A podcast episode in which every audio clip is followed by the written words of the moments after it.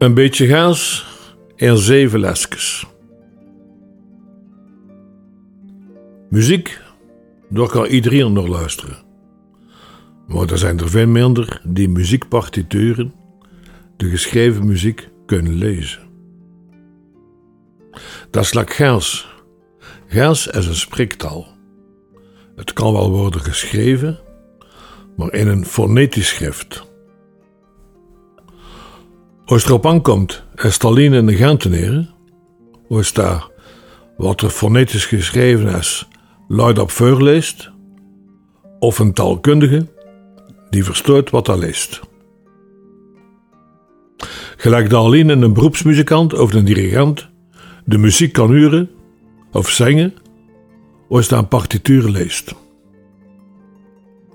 En wat meer Gaans dat uit de mond komt van iemand die in een soort directeurswoningen aan het rabot woont, klinkt dan ook nog een keer anders, als het uit de mond komt van iemand die in een werkmanshuisje in Sint-Amansberg woont.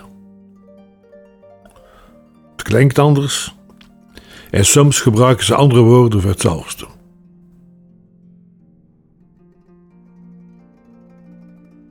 Er is een standaard woordenboek Gaans het driedelig Gentse woordenboek, geschreven door Lodewijk Lievevrouw Koopman, Eastendruk in 1951. Mocht woord computer of kleurtelevisie bijvoorbeeld, dat stoot er niet aan, want dat bestond in die tijd nog niet. En dat woordenboek is niet geüpdated. Samengevat, Gens is dus een levende taal. Een bos met veel soorten bomen, verschillende klanken, woorden, uitdrukkingen. Sommige woorden zijn uitgestorven en er komen er nieuwe bij. Is wel de Gentse Sociëteit, een apolitieke vereniging voor de promotie en de instandhouding van het Gens dialect. Instandhouding omdat het minder en minder wordt gebruikt. Als je de website van de Gentse Sociëteit helemaal doorgelezen hebt, weet je al veel meer van het Gens dialect dan de meeste Gentenaars. maar wel niet zoveel als de president van de Gentse Sociëteit, Eddie Levis, die die website om zeggen zelf volgeschreven heeft. De website van de Gentse Sociëteit is een eerste klas magazijn van het Gens dialect. Maar voor zover ik weet, bestond er niet iets waar je op een iets wat georganiseerde manier Gens kunt leren. Het wordt niet onderwezen.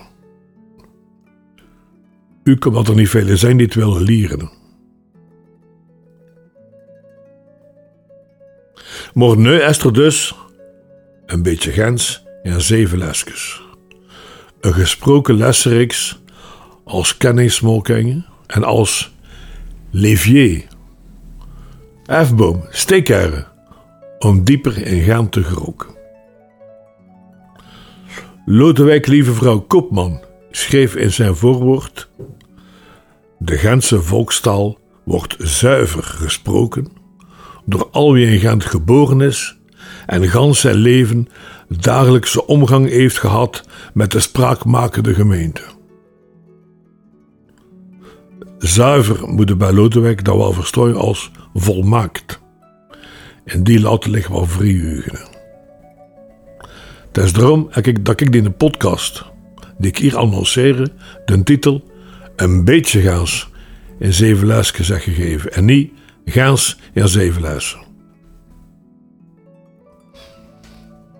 Bekijk het als een introductie. Bijvoorbeeld om als niet-Gentenaar een beetje een weg te vinden in Gent. Gelijk dat in Spanje al komt mee. Dos cervezas por favor en hasta mañana. En wees maar gerust, van Eddie Levis, de president van de Gentse Sociëteit, komt de uitspraak: Gaans is dienige tolen die er nog mag schraven, laat dat de wild.